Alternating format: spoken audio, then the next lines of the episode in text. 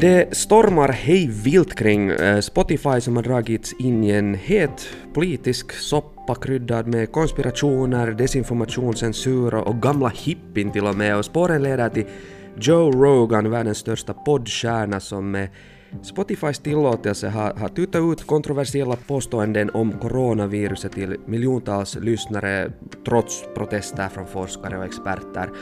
Men det är först när rockstjärnan Neil Young får nog av det här som, som på något sätt den här debattstormen brakar loss riktigt ordentligt. Så vad är det den här stormen kring Spotify egentligen handlar om?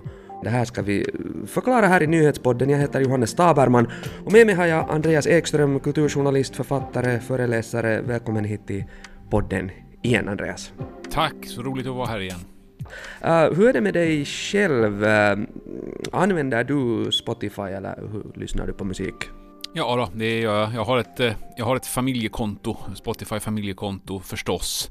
Det är inte den enda musiktjänst jag använder, men användarvänligheten gör ju som användarvänlighet alltid gör. Mm. Eh, det gör att man lätt tänker eh, ja, lite mer generöst på det som kan vara problematiskt. Alltså det vill säga att man tycker att ja, okej, okay, det är inte en fläckfri tjänst, men den är otroligt smidig på många sätt. Men har du börjat fundera på att lämna Spotify nu efter att det har börjat storma Nej, kring Spotify? så har jag egentligen aldrig gjort. Men det är också så att min situation som digital analytiker och föreläsare och utbildare är ju speciell. Det vill säga jag kan inte tala om och förstå de här frågorna utan att själv vara en användare. Så jag har mm. nog bara vackert att offra mig och se till att ha konton eller gärna flera konton på alla möjliga tjänster. Du förstår, jag måste vara där. Absolut.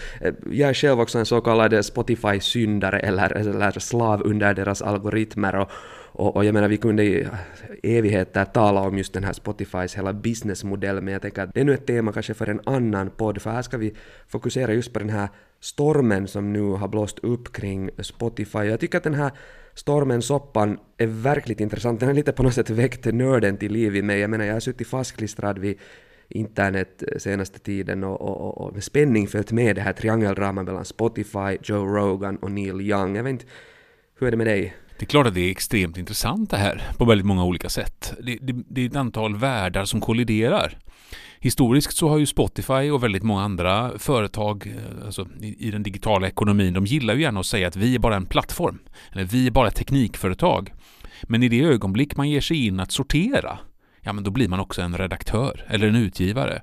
Och Spotify har ju tagit det här mycket längre nu. Man köper in Joe Rogan för att mm. hårt gå in på poddar och kanske också ljudböcker och andra sådana saker på sikt. Ja, men då så. Då är ni inte längre ett teknikföretag. Då är ni en, en redaktionell plattform som gör egna val. Då kommer ett helt annat ansvar, helt nya frågor, helt, nytt, eh, ja, helt nya utmaningar för dem. Mm. Och här ska jag kanske komma med en liten så att säga nördvarning. Jag menar för den som inte alls vet vad vi nu talar om så kanske det blir lite svårt att hänga med.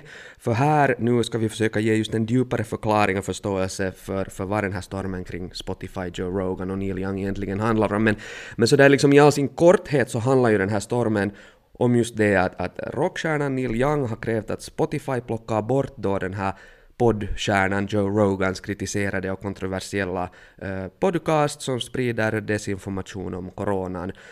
Neil Young sa att antingen plockar de bort Joe Rogan eller så plockar de bort Neil Young, de måste välja. Och Spotify som du var inne på betalar dyrt för att ha ensam rätt på, på världens populäraste podcast, den här The Joe Rogan Experience. Så de sa förstås hej då åt Neil Young och behöll Joe Rogan och hans miljonpublik. Och det här då lett till en verklig storm kring Spotify, som jag tänker att någonstans i grunden handlar om var vi ska då dra gränsen för yttrandefrihet, censur och desinformation. Är det inte det i grunden på något sätt handlar om?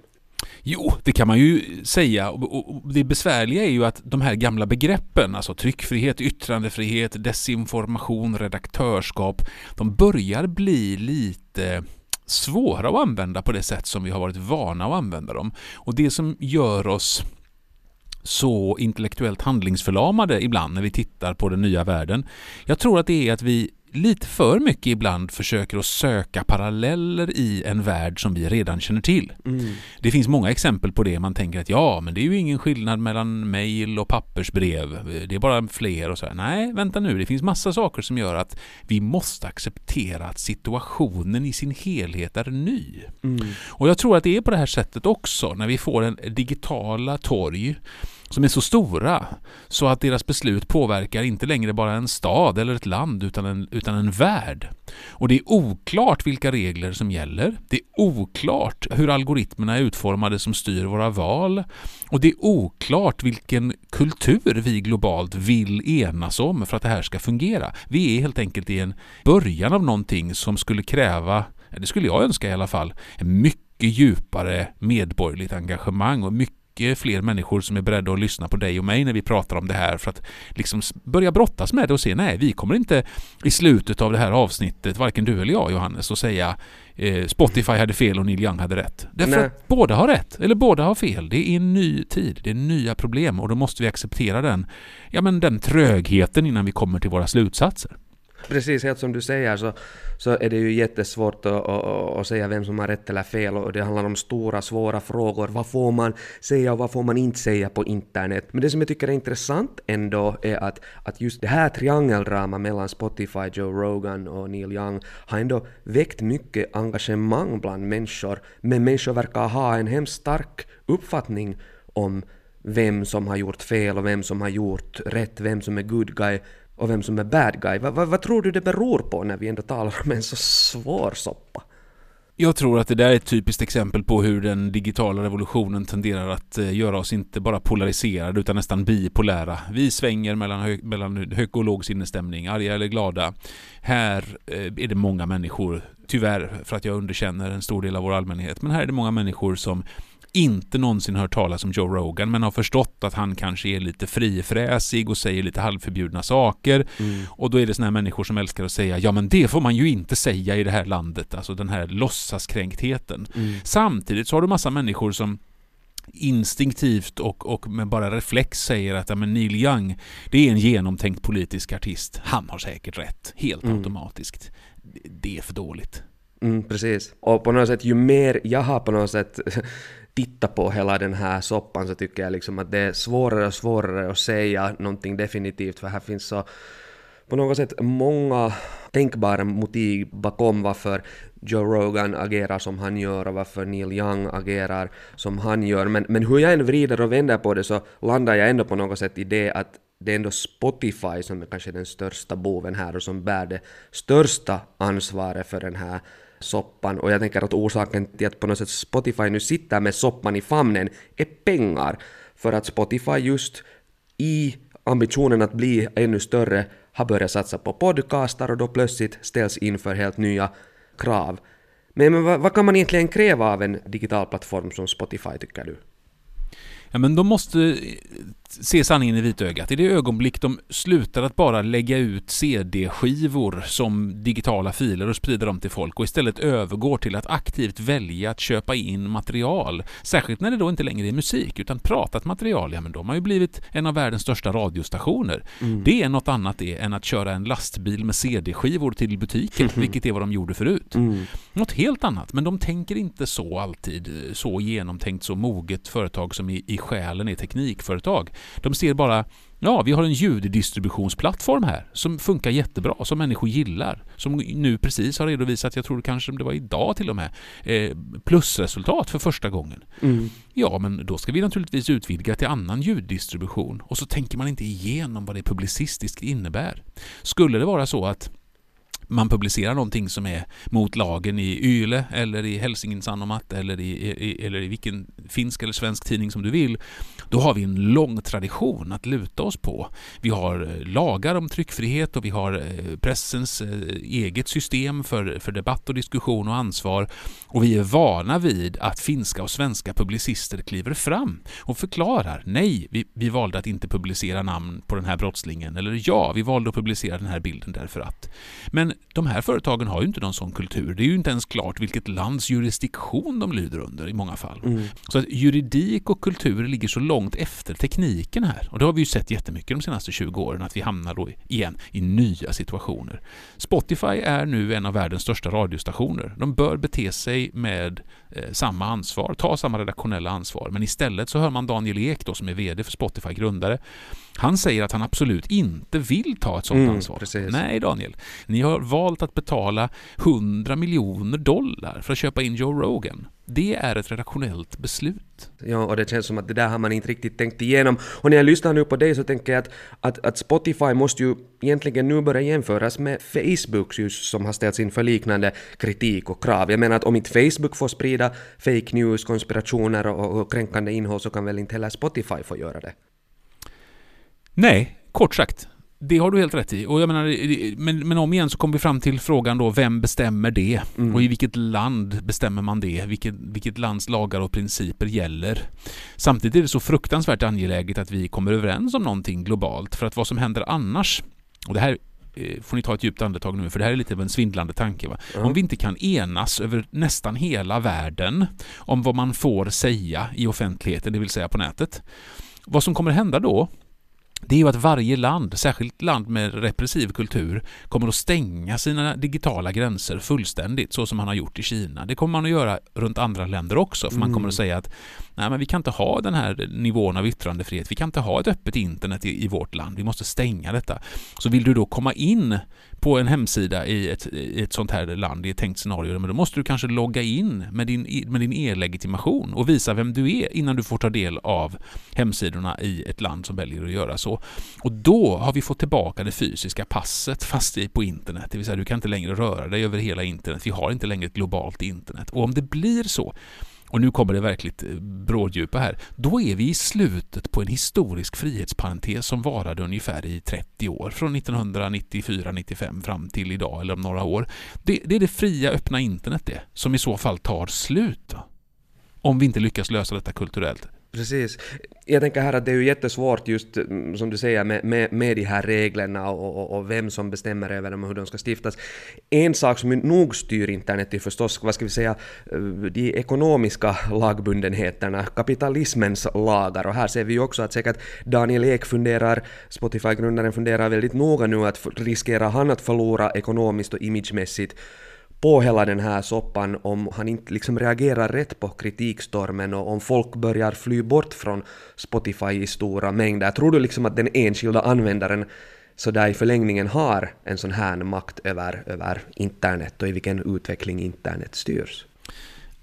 Ja, jag tror generellt sett att makt genom enskilda konsumentbeslut är lite överskattat. Mm. För att konsumentmakt det är ett antal eller många individers frikopplade beslut. Det vill säga, jag vill inte längre vara på Spotify eller jag vill inte längre köpa bananer som inte är rättvisemärkta. Bestämmer jag så.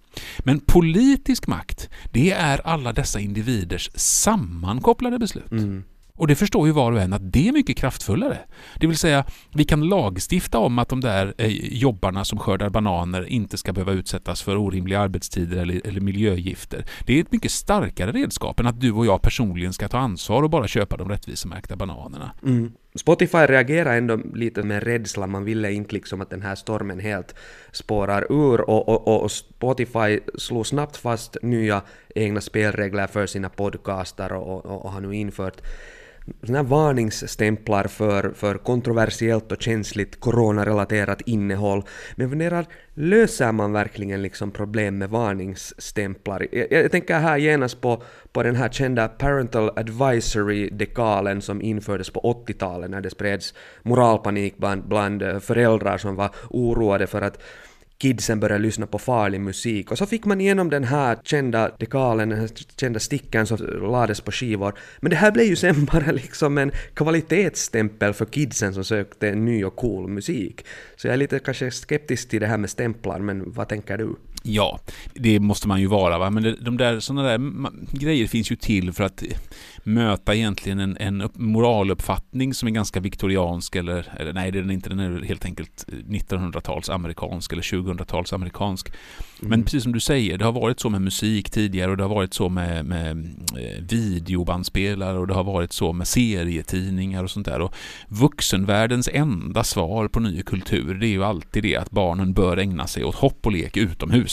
Det är liksom det enda godkända kulturen och så är det generation efter generation. Vi, vi får panik inför olika saker. Och jag tänker liksom att okej, okay, precis som du säger, uh, simpla stämplar är, är, är liksom inte svaret på komplexa frågor som berör hur vi ska nå ansvarsfull yttrandefrihet på internet och vad man får och inte får säga eh, på internet. Och jag tänker det här är ju dessutom sådana frågor som som inte bara liksom Spotify tvingas uh, ta ställning till eller Facebook och Twitter utan jag menar samma frågor ställs vi ju väl alla inför varje gång vi ventilerar våra tankar och åsikter på till exempel sociala medier. Det vill säga, var går gränsen mellan det privata och det offentliga? Var går gränsen mellan att tänka högt och sprida desinformation? Var går gränsen mellan konst och sakinnehåll eller musik och podcast, mellan ansvar och censur? Eller hur? Mm. Mm.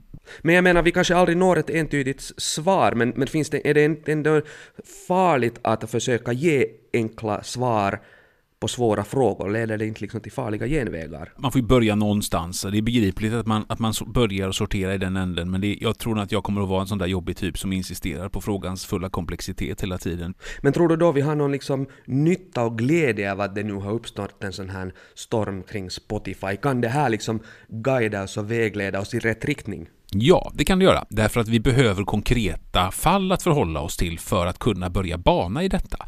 Det blir väldigt lätt annars att man lägger upp stora teoretiska modeller och det är alltid svårt att skapa engagemang för det. Det är svårt att berätta om eh, digitala frågor i journalistisk form, vilket du ju föredömligt gör, och det, men det är svårt. Det är svårt att få det levande, det är svårt att göra det konkret.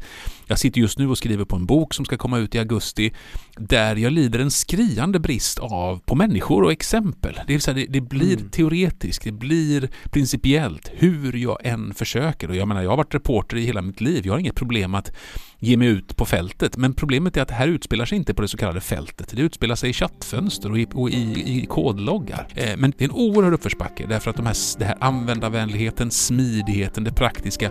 Herregud, vi har människor har mycket annat att tänka på. Jag förstår att det blir så. Tack ändå Andreas Ekström för att du kom hit och, och, och, och hjälpte att, att reda ut vad den här stormen kring Spotify egentligen handlar om. Ja, jag tror att vi ska bara tänka på det som en början på en diskussion. När du och jag är klara nu så är, så är vi inte klara, utan nu har vi börjat någonting som förhoppningsvis fortsätter i dialog med, med dig och de som lyssnar på det här och, och med mig också. Precis, mera dialog helt enkelt.